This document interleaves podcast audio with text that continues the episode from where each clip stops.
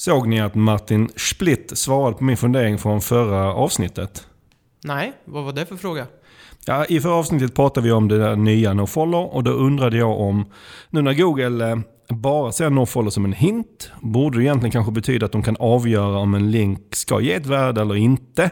Och om det nu är så, varför behöver vi överhuvudtaget använda nofollow och de här nya sponsorerna UGC? Vad svarade han? Ja, det var ju på eh, Search i Malmö som Martin svarade. Och där fick man chansen att ställa frågor och jag var väldigt glad att han valde att svara på just min. Det trodde jag faktiskt inte om jag ska vara helt ärlig. För han, han gillar egentligen mest att fråga, ställa, svara på frågor om rendering. Men han, han tog den också. Han svarade med en motfråga. Han svarade så här. Varför använder du Canonicals?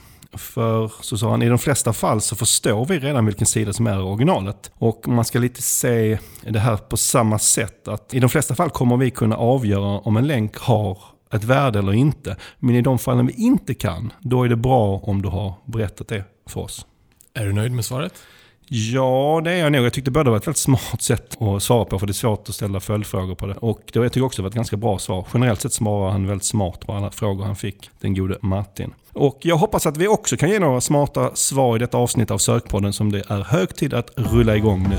Du lyssnar på Sökpodden, en podcast för dig som gillar Google, SEO och SEM. Sökpodden görs av Pineberry. Varmt välkomna till avsnitt 54 av Sökpodden. Mitt namn är Mikael Wahlgren och idag har jag nöjet att sitta här med Erik Allert Hej hej! och Björn Budén. Hej hej! Våra tre ämnen för dagen är IT, ersättande till genomsnittlig position på Google Ads och målgruppsstorlek på Facebook Ads. Hur är läget med er idag? Det är bara bra med mig. Det rullar på.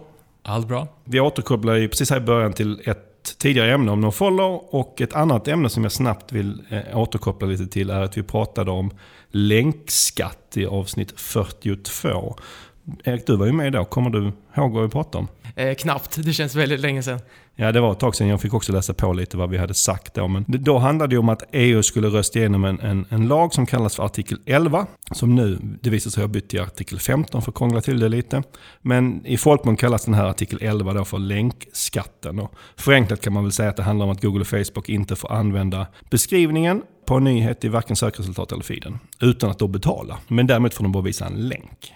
Och när vi pratade om det här senast så eh, höll ju EU på att rösta igenom lagen. Och nästa steg för att det skulle bli verklighet är att respektive EU-land ska anta den här nya lagen. Och nu har Frankrike varit först ut med att anta den i oktober. Och precis som vi förutspådde lite när vi pratade om det senast så parerar Google den här nya lagen med en ganska stor enkelhet. De har ju skickat ut ett meddelande till publicister inom EU, bland annat har vi faktiskt fått den till sökmotorkonsult.se, att man får välja om man vill ha kvar beskrivning i sökresultatet eller inte. Vad är default? Default är ju att man inte har med det så att Google liksom har ju livremmen på här. Så, att, så vi har klickat väldigt snabbt i att vi vill såklart behålla det. Och med det avsäger man sig även rätten till betalning, eller? Ja, precis. Det gör man.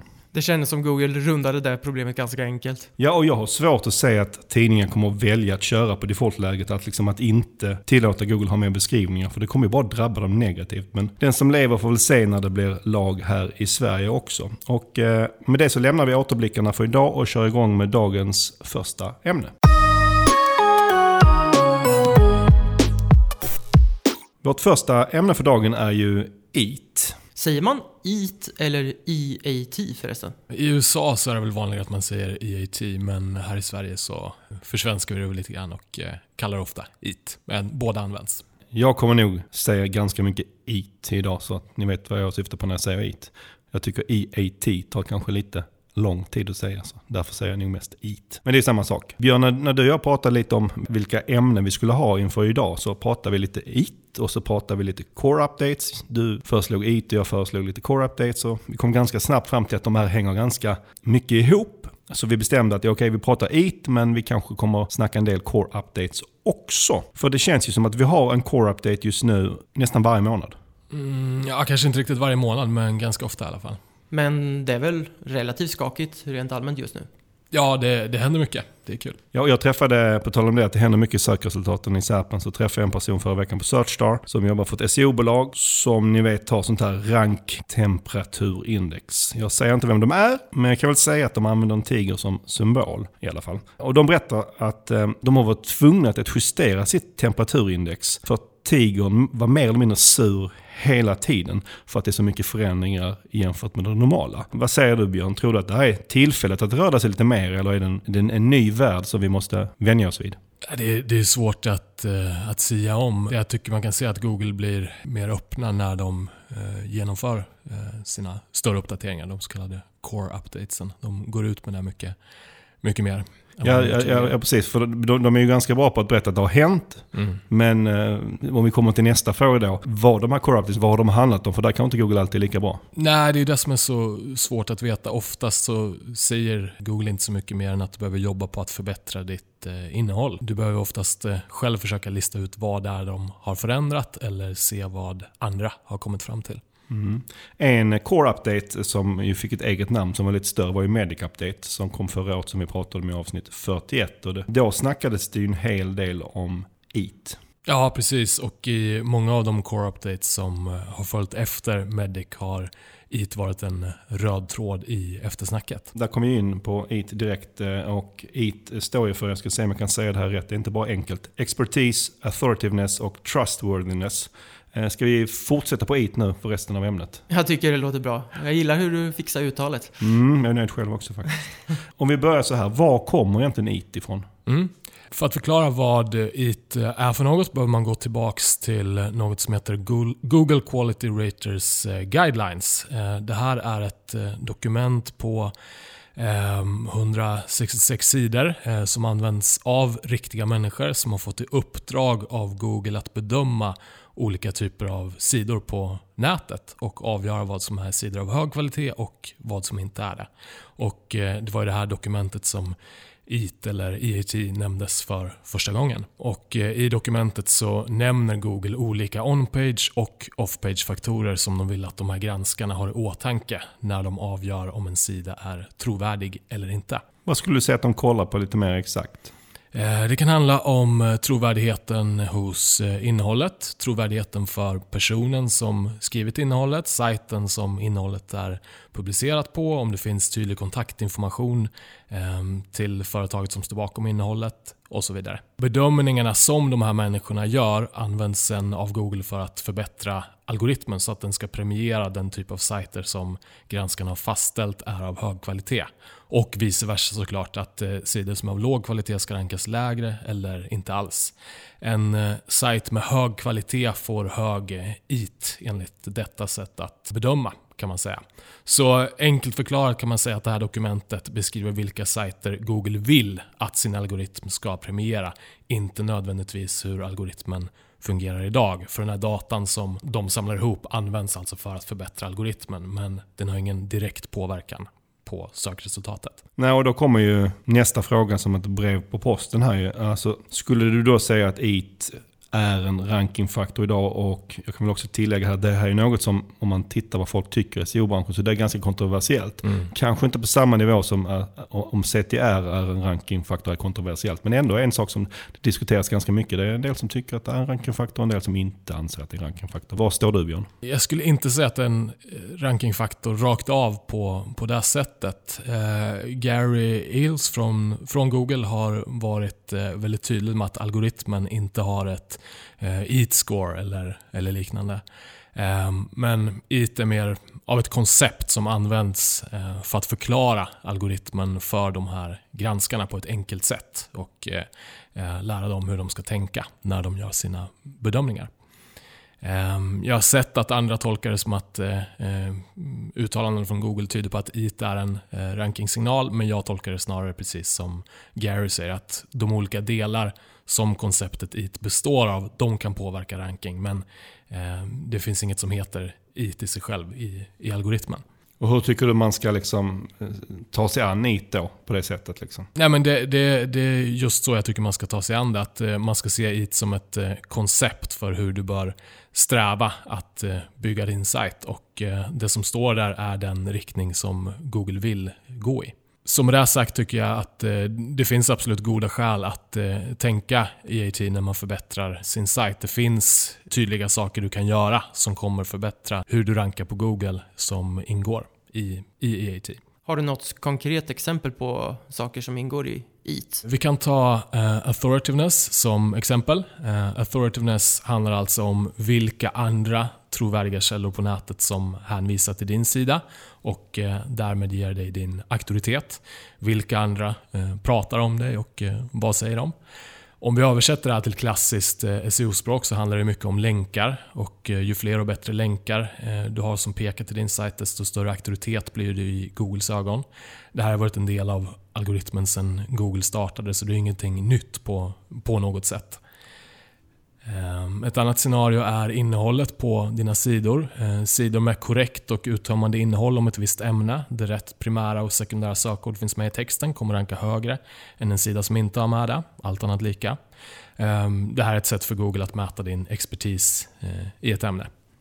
Ja, och på tal om uttömmande innehåll gjorde vi väl nyligen en förändring på vår egna SEO-skola? Ja, det gjorde vi. Vi märker just i den SERPen på ord som SEO och sökmotoroptimering så är det ganska många av våra kollegor i SERPen så att säga som har fyllt på med mycket och bra innehåll och vi vill inte vara sämre än det. Så vi hade ganska mycket innehåll från början men vi adderar väl en, säg ungefär 50% eh, nytt innehåll och då var det liksom kanske fokus på att få till, säg relaterade saker som kan vara intressant för just SEO och sökmotormering. Kanske inte primärt de orden används inte så jättemycket i den, i den, i den texten vi la till. Och det som också händer som gör det liksom, att vi tycker det är intressant att vi rankar två och har gjort det ganska länge och sen helt plötsligt så tog vi en, en första plats. Och eventuellt så har det här med, med att vi klättrade att göra. Och jag vet Björn att du du tror att det, det, det, finns en chans eller att det är sannolikt att det är IT som kanske står bakom? Ja, det beror på hur man, hur man ser det. Alltså det, det nya innehållet vi eh, tillförde gör att Google nu bedömer att sidan är mer relevant för sökningen sökmotoroptimering. Så rent konceptuellt eh, kan man ju säga att vi förbättrade vår eh, IT. Eh, det vi rent konkret gjorde var att utöka innehållet med de primära och sekundära sökord som vi såg att Google tycker är relevanta för ämnet sökmotoroptimering och det gav sen eh, den effekten. Vi får hoppas att vi fortfarande rankar ettan när det här avsnittet släpps då. Ja, det, det, kan vi aldrig veta. Vi får hoppas på det om inte någon branschkollega har hunnit vässa sitt innehåll ännu mer tills dess de passar på nu när vi släpper podden. Ja, mm, precis. Då får vi fylla på med in, ännu mer innehåll. Finns det något annat som du ser att en sajt kan göra för att Google ska få ett högre förtroende för dem rent IT-mässigt då, eh, idag? Ja, vi ser att eh, vid de här större core-uppdateringarna som har varit så Eh, har vi jämfört sajter som har tappat med de som har vunnit. Och eh, det vi kan se är att eh, det finns eh, ja, ganska specifika on-page-faktorer eh, som kan skilja en eh, vinnare från en förlorare. Och det är att eh, man anger tydlig bolagsinformation som vad företaget heter, ditt organisationsnummer, enkla kontaktvägar, hur du kommer i kontakt med bolaget. Eh, du får gärna göra en presentation av vilka ni är som jobbar där, dina medarbetare. Ehm, sen eh, ser vi också att länka till viktiga sidor eh, i sidfoten som om oss, GDPR policy och så vidare har en positiv påverkan. För aktörer som är lokala och riktar sig till en, en stad eller en, en viss region så kan det även finnas värde i att ha karta och adress direkt på startsidan. Och man får även ha tydliga avsändare till artiklar om man skriver mycket guider och nyheter. Så fixar man till de punkterna eh, så ser vi att Google kommer få högre förtroende för din sajt baserat på den data som vi har. Och det här är ju ganska basic saker att fixa ja, till. Visst är det, visst är men, det. men vi ser ändå att det har väldigt, alltså i vissa fall kan det ha betydande ja. effekt. Och sen allt det andra som vi SEO har tjatat om i, i, flera år. Skapa bra innehåll som svarar på användarens sökintention och eh, innehåller sökorden på, på rätt sätt. Så IT är, det är därför jag drar mig för att säga att det är en, en rankingfaktor. Det är, inget, det är inget nytt under solen i, i mina ögon, utan Google strävar efter, efter det här hela tiden. Och Nej, när, när, vi pratade om det innan så, så, så, så sa du, jag tyckte det var en ganska bra sak, du ser IT som på ett sätt ett ganska bra koncept om man ska förklara för någon som inte kan SEO vad man ska tänka på när man ska bygga bra innehåll och hur man ska tänka kring SEO. Exakt, det är ett eh, bra koncept för att förklara för en eh, utomstående som inte ehm, eh, är van vid SEO och förstår det på det sättet. Mm. Vad man behöver göra med sin sajt för att den ska ranka högre. Och nu spånar jag lite fritt här, men det är klart att när Google har gjort den här guiden, Quality Raters Guidelines, så, så har de ju liksom, de som de använder de här raters-personerna, de är ju inte SEO i grunden. Nej, så de har ju säkerligen tänkt till att hur ska vi förklara vad som är en, är en trovärdig sida och så har de kommit fram till det här konceptet. Så att det är ju säkert genomtänkt från början. Precis. Vilka sajter skulle du säga är där IT är extra viktigt? Your money, your life-sajter, alltså sajter där det är extra viktigt att eh, informationen är eh, korrekt. Det kan vara sajter inom eh, ekonomi, medicin, hälsa, juridik och så. Där är det lättare att se hur det här påverkar. Men IT som koncept, skulle du säga att det är relevant för alla sajter? Ja, kanske viktigare för vissa, men eh, då Google bland annat eh, använder länkar för att eh, förstå IT så påverkar det ju alla.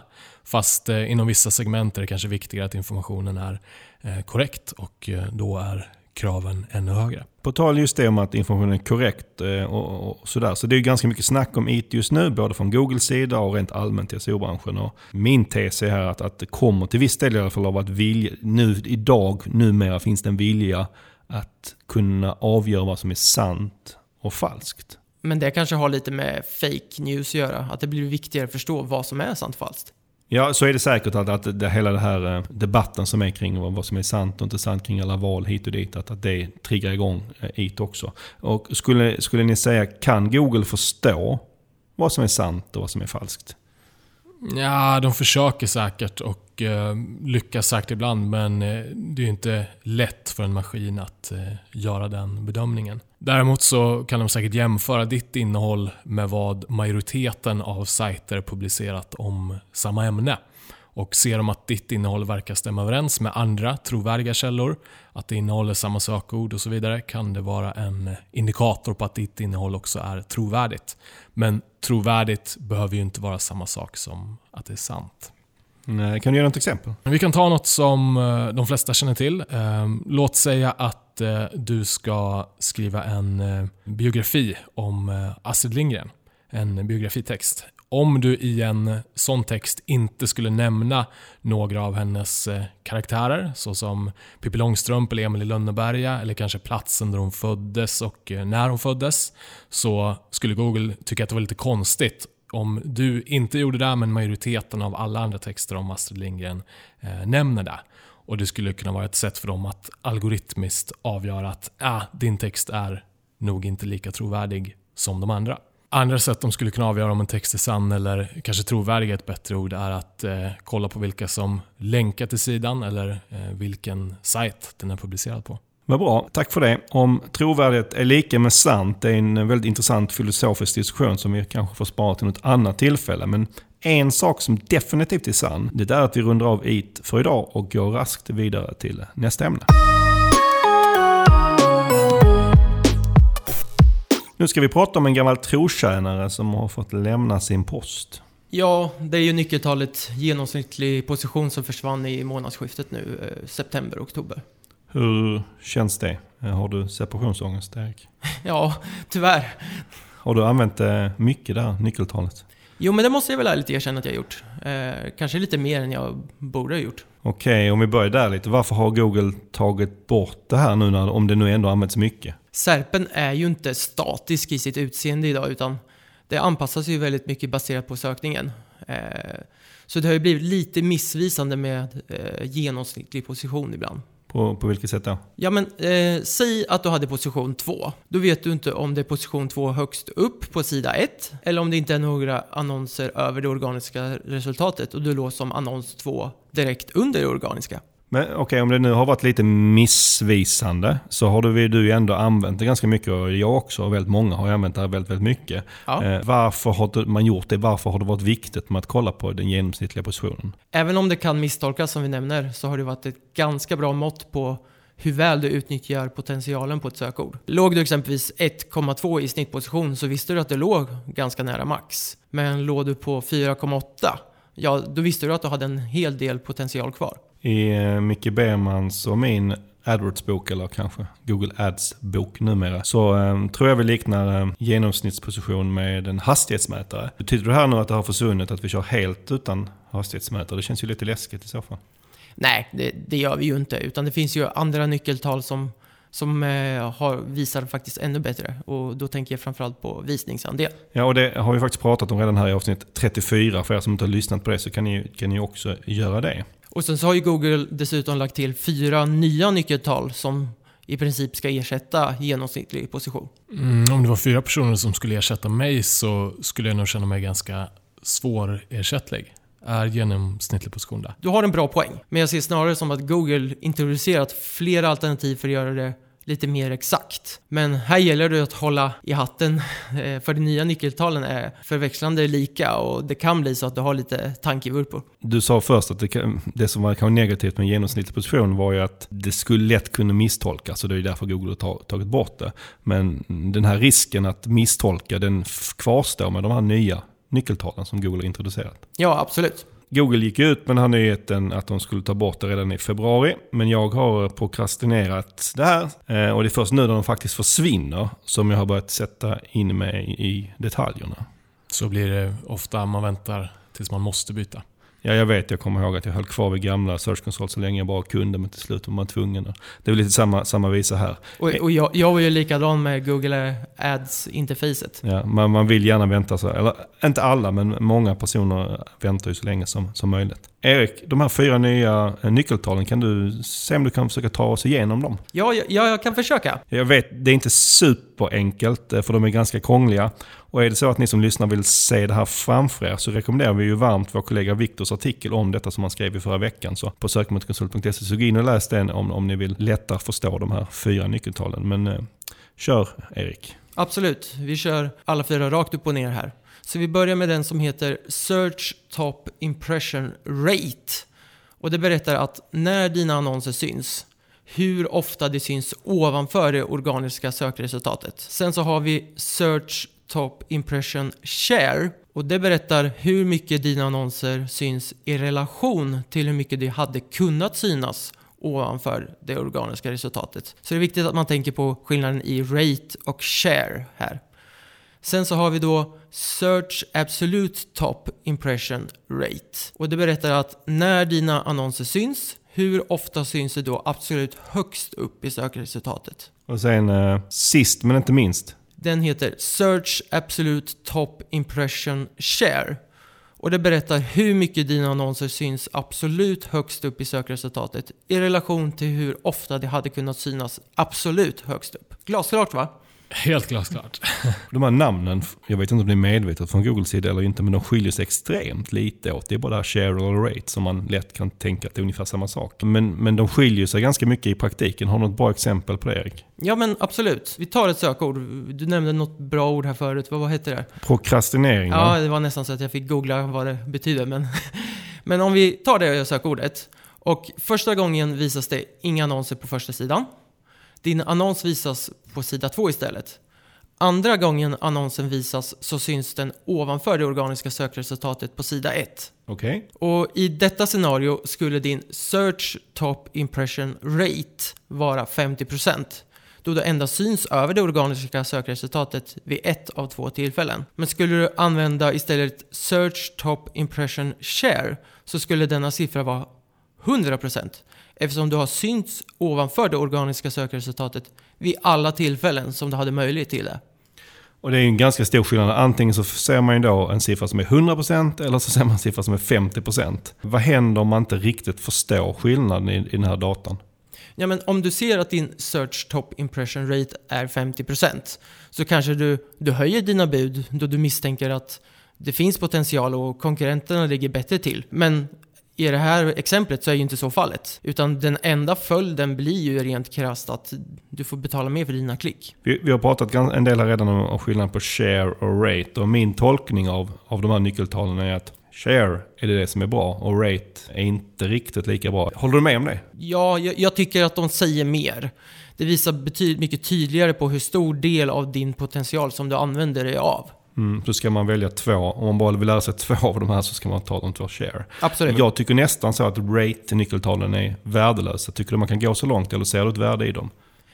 Ja, men jag vill nog säga att det finns ett värde, även om det inte kanske är lika stort som i det andra fallet. Det kan ju vara exempelvis om du, eh, om du använder dem rätt så finns det ju en poäng med dem också. Liksom. Du kan ju exempelvis använda dem för att få en känsla för hur Google prioriterar annonser mot det organiska resultatet för just dina sökord. Så i det här sökordet som vi nämnde, prokrastinering, Mm.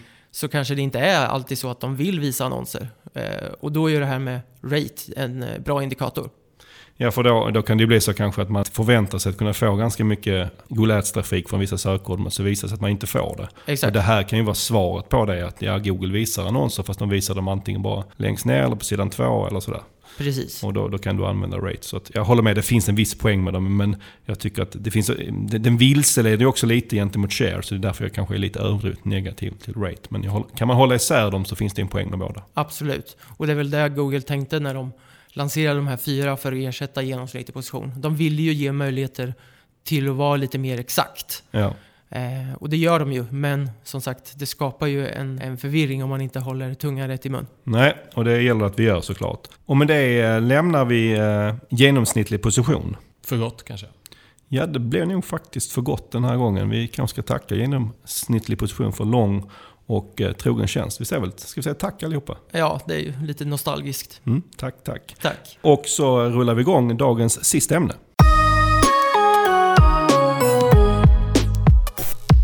Förra ämnet om genomsnittsposition, det var ju ganska smalt. Men detta om målgruppsstorlekar på Facebook, det är ju nästan ännu smalare. Men jag älskar att djupdyka i smala ämnen. Ja, eh, dit och på det. Jag håller med. Det är fantastiskt att snacka om smala ämnen. Och någonting som jag kanske gillar ännu mer än just smala ämnen, det är lyssnarämnen. Vilket detta är. För det här var Anna som hörde av sig och hon ville att vi skulle prata om hur man ska tänka kring målgruppsstorlek på Facebook i Sverige då.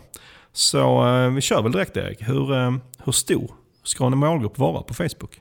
Då får jag ge det klassiska svaret. Hur långt är ett snöre? Du gör ju som Martin Split, Split gjorde, du svarar med motfrågan. Ja, det är smart har vi konstaterat. Ja, men det går ju inte att säga en exakt siffra. Det gör inte det tyvärr. Okej, men om vi då börjar i andra ändan istället. Eh, Spelar storleken någon roll överhuvudtaget? Ja, men absolut. Och vi kan ju börja med lite ytterligheter. Om vi tänker oss hela Sverige så är det i princip nästan alltid en för, för stor målgrupp att rikta sig mot. Hur stor är den målgruppen på Facebook? Det är en bra fråga. Jag brukar säga lite över 7 miljoner. Eh, Men det beror på lite vad du inkluderar i begrepp- begreppet Facebook. Vi har ju olika plattformar och eh, fejkkonton och så vidare. Men tittar vi på svenskarna och internet som släpptes nyligen, eh, här 2019, så var det 74% av dem som svarade att de hade Facebook. Så lite över 7 miljoner känns som en rimlig siffra. Mm. Skulle det funka för, låt säg, eh, Valmyndigheten om de vill nå alla över 18 inför ett eh, val? Ja, men i teorin skulle det ju gå. Men eh, jag skulle ju dela upp det i en större mängd mindre målgrupper. För du vill ju förmodligen köra olika budskap beroende på en mängd olika kriterier. Det kan ju vara allt från ålder, kön, områden, olika intressen och så vidare. Så vi kan konstatera det att även om du har en väldigt generell produkt då, som säg Valmyndigheten har i form av att vi ska gå och rösta. Mm. Så, så vill du ändå dela upp den eh, för att det ska kunna gå att utvärdera och testa olika budskap. Absolut. Om vi tar den andra ytterligheten. När blir en målgrupp för liten och vad händer då? För det första så blir det ju sällan kostnadseffektivt. Om du endast ger Facebook möjligheten att nå en begränsad grupp individer vid ett- just specifikt tillfälle så kommer du behöva betala en del för att vinna just den aktionen. Med eh, fler individer eller användare att slåss om, eller vad man ska säga, vid just det unika tillfället så blir det ju mer kostnadseffektivt. Det är ju en, det är en klassisk utbud och efterfråga teori. Och det många glömmer också är att målgruppen du riktar dig mot de kanske inte är så frekventa användare av Facebook. Så är det så att de inte är inloggade lika ofta så måste ju målgruppen vara ännu större. Så det är ju bättre att jobba med lite större målgrupper och lita på Facebooks algoritm. Har du gett algoritmen tillräckligt med datapunkter så kommer den på massvis av olika signaler som inte vi ens har en aning om vilka det är kunna bestämma vilka i din utvalda målgrupp som den ska nå.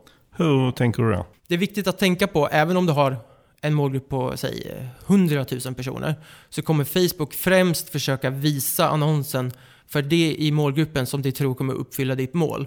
Så det kan ju vara exempelvis att du vill ha folk som ska klicka på din annons, du ska driva trafik. Då kommer ju Facebook välja ut en viss andel av de här 100 000 personerna och rikta sig mot. Och det har vi pratat innan om och det blir extra viktigt här såklart också att, att det är väldigt viktigt att välja rätt mål i sina kampanjer på Facebook. Och det här är ytterligare en anledning, för väljer du fel mål här så spelar ju inte målgruppsstorleken någon roll heller. För då kommer de ändå försöka hitta fel personer i målgruppen. Exakt. Så eh, målgruppen, eh, storlek kontra vad du har för målsättning och budget och allting. Det är många faktorer som spelar in och det är därför det är så svårt att ge ett rakt svar. Mm, det är därför snöret är så långt. Exakt.